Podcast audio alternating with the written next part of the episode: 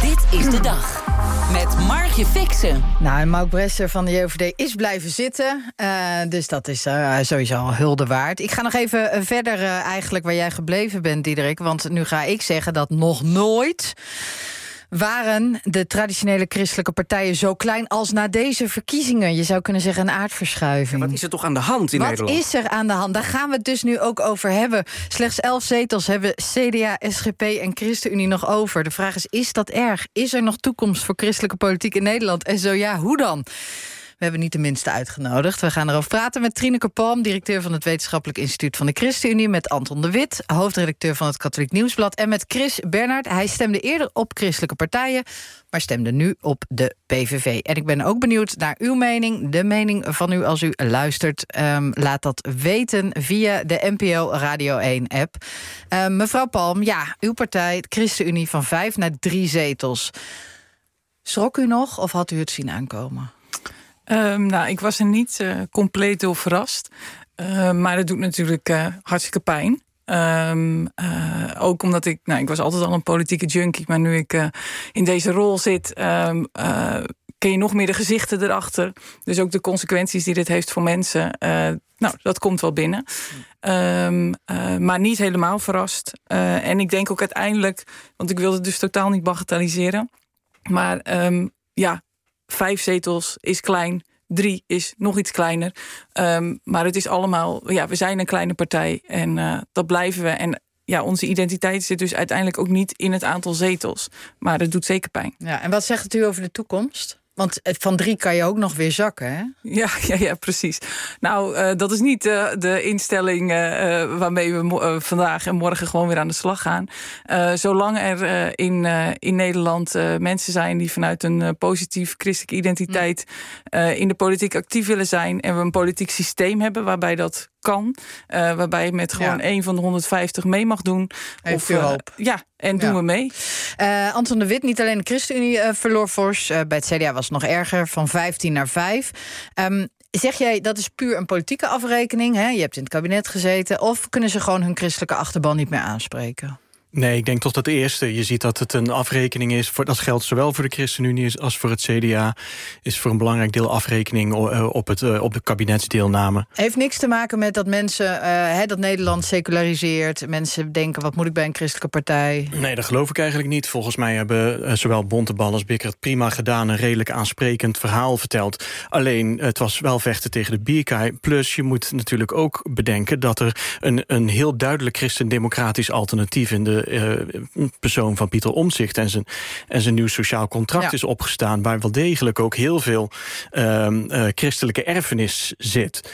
En dus ook heel veel christenen aan heeft ja. gesproken. En ja. dat, dat mogen ook niet wegvlakken. En als je dat mee gaat tellen, je zijn net elf zetels voor de, voor de klassieke partijen, maar teller NSC en ook het BBB, wat natuurlijk ook eigenlijk een christendemocratische partij is.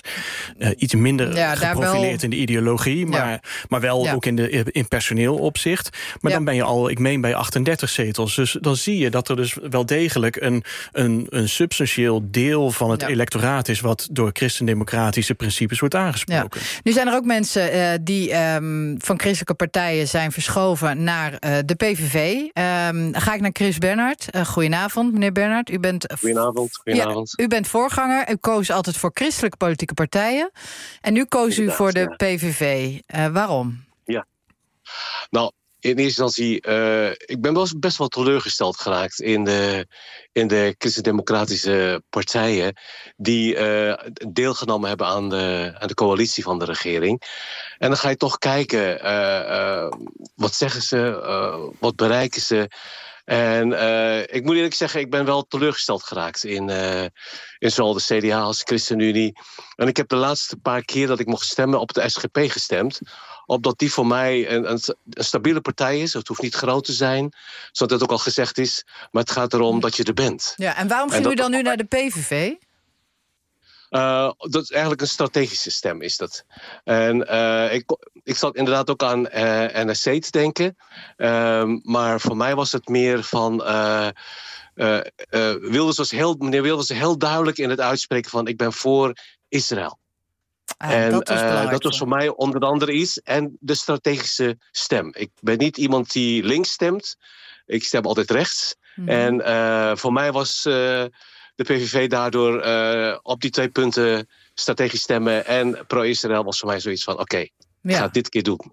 Oké, ehm, want er zijn natuurlijk meer partijen die zich ehm, ja, pro-Israël uitspreken, zo u wilt. Ja, nou ja, even, even nog een punt erbij. Wat, ik, wat mij ook heeft overgehaald om op de PVV stemmen is de, de migratie. Uh, dat hij daar ook een heel, al jarenlang, een heel duidelijk, soms wat de fanatiek standpunt heeft ingenomen. Maar voor mij was het zoiets van: ja, als, als er iemand is die daar maar zowel is Israël als migratie uh, heeft de SGP toch exact hetzelfde standpunt? Ja, maar dan komt natuurlijk nu uh, dat, dat meneer strategisch stemde. Ja, ja. Dus, dus dan we, u wilde gewoon. Want wat wilde u voorkomen met uw stem? Laat ik het anders vragen. Ik wilde voorkomen dat, dat uh, links aan de, aan de macht komt. Zeg maar GroenLinks, ja, GroenLinks en, en Partij van de Arbeid. Ja. Ja, En, en ziet u dan um, dus, dus inderdaad strategisch plus Israël plus migratie? Want, want ja. uh, wat, u bent christen, u bent voorganger. Wat is uw probleem met migratie? Uh, nou, ik, ik ben, ben, altijd wel zo geweest van. Ik, ik ben zelf ook, zeg maar, uh, behoort tot een minderheidsgroep, om het zo maar te zeggen. De eerste die in Nederland kwam, ik dan van Molukse afkomst. En uh, ja. dus, dus daar heb ik nooit een probleem van gemaakt. Maar Nederland raakt gewoon vol. Ja, dus dat en vond ik ben, u. Denk ik, niet de, ik ben niet de enige. En, uh, en dat brengt spanningen ja, in de samenleving. Ja. En, en nog heel kort, ziet u bij de PV ook iets terug van christelijke normen en waarden?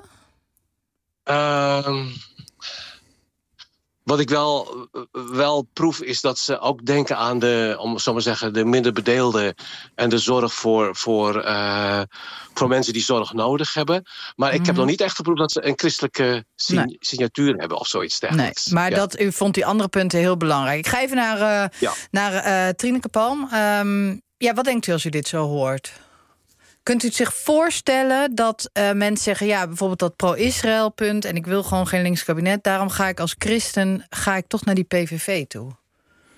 Um, nou ja, ik uh, heb zelf bewust gekozen voor een uh, christelijk-sociale partij. Um, en um, in die zin hebben we de, ja, zitten daar grote, grote verschillen... met de standpunten van de, van de PVV. Ja. maar inderdaad, en, en kan ik me, in die zin is het gesprek denk ik meer uh, uh, de relatie met de SGP. Ja. Um, ja. Als voor meneer deze standpunten zo belangrijk ja. zijn. Ja, Anton de Wit, uh, is dit wat je vaker terugziet uh, bij christenen? Dat ze denken, ja, ik wil dus dat, uh, dat, dat ik wil links niet. En dan ga ja. ik dus maar helemaal naar rechts. Ja, je ziet Althans de laatste op, jaren... op migratiepunt, hè? Ja, Want het is natuurlijk sociaal-economisch is, is Wilders uh, Nee, dat links. klopt. Nou, het, het is eigenlijk wel een interessant fenomeen, vind ik. hoor. Dat de laatste jaren uh, christenen zich in toenemende mate... met, met, met politiek rechts affiliëren. Alsof er geen, geen keuze meer is voor, voor links uh, vanuit christelijke waarden. Wat natuurlijk eigenlijk onzin is. Het christendom is geen set met wel omschreven politieke standpunten. Je kunt met christelijke principes in feite bij alle partijen zo'n beetje uitkomen. Dus, uh, maar de laatste jaren zie je wel dat er heel veel uh, bij, bij, bij bewuste christenen... die nog kerkgaand zijn, die zich uh, in de samenleving vaak ook wat een minderheid voelen...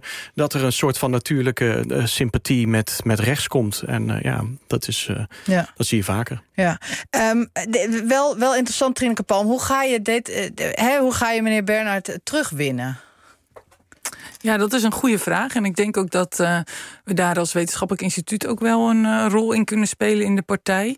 Um, ik denk het verhaal van uh, uh, christelijke politiek in deze tijd eigenlijk, hè, uh, dat dat gewoon heel belangrijk is om weer opnieuw te gaan vertellen. Um, en moet dat... je dat dus juist expliciet gaan doen, of moet je dat juist een beetje wegpoetsen? Nee, ik denk heel expliciet. Uh, ik denk dat dat, in ieder geval als ik vanuit de ChristenUnie spreek, uh, dan is het juist um, de breedte van christenen die actief zijn in de partij. En dat dat precies die christelijke identiteit is dat ons verbindt. en dat dat je ook weerbaar maakt en krachtig om naar buiten te treden. En dat moet je vervolgens ook doen. He, dus je blijft niet in je eigen bubbel zitten. Vervolgens stap je met elkaar dat publieke domein in en zeg je: wij willen ja. meedenken over oplossingen. Zou je dan ook samen moeten gaan? gewoon met CDA. Dan heb je in ieder geval nog weer iets meer rijkwijde. Ja, dat is een hele goede. Die voelde ik natuurlijk wel een beetje aankomen. Uh, nou, CDA en de ChristenUnie hebben allebei op hun eigen manier natuurlijk een geschiedenis van, uh, van uh, succesvolle fusies achter de rug. Bij de een wat langer geleden dan bij de ander. Wij gaan nu bijna naar ons 25-jarig jubileum. Um, dus zeg nooit nooit. Maar ik, zie, um, ik zou het jammer vinden, omdat er ook iets uh, verloren gaat van de diversiteit die er nu wel is voor ook de christelijke kiezers. Zoals we op rechts diversiteit hebben, hebben we dat op links. En ook christelijke kiezers hebben wat te kiezen. En dat wil ik ze, die optie wil ik ze graag blijven geven. Ja. Anton de Wit?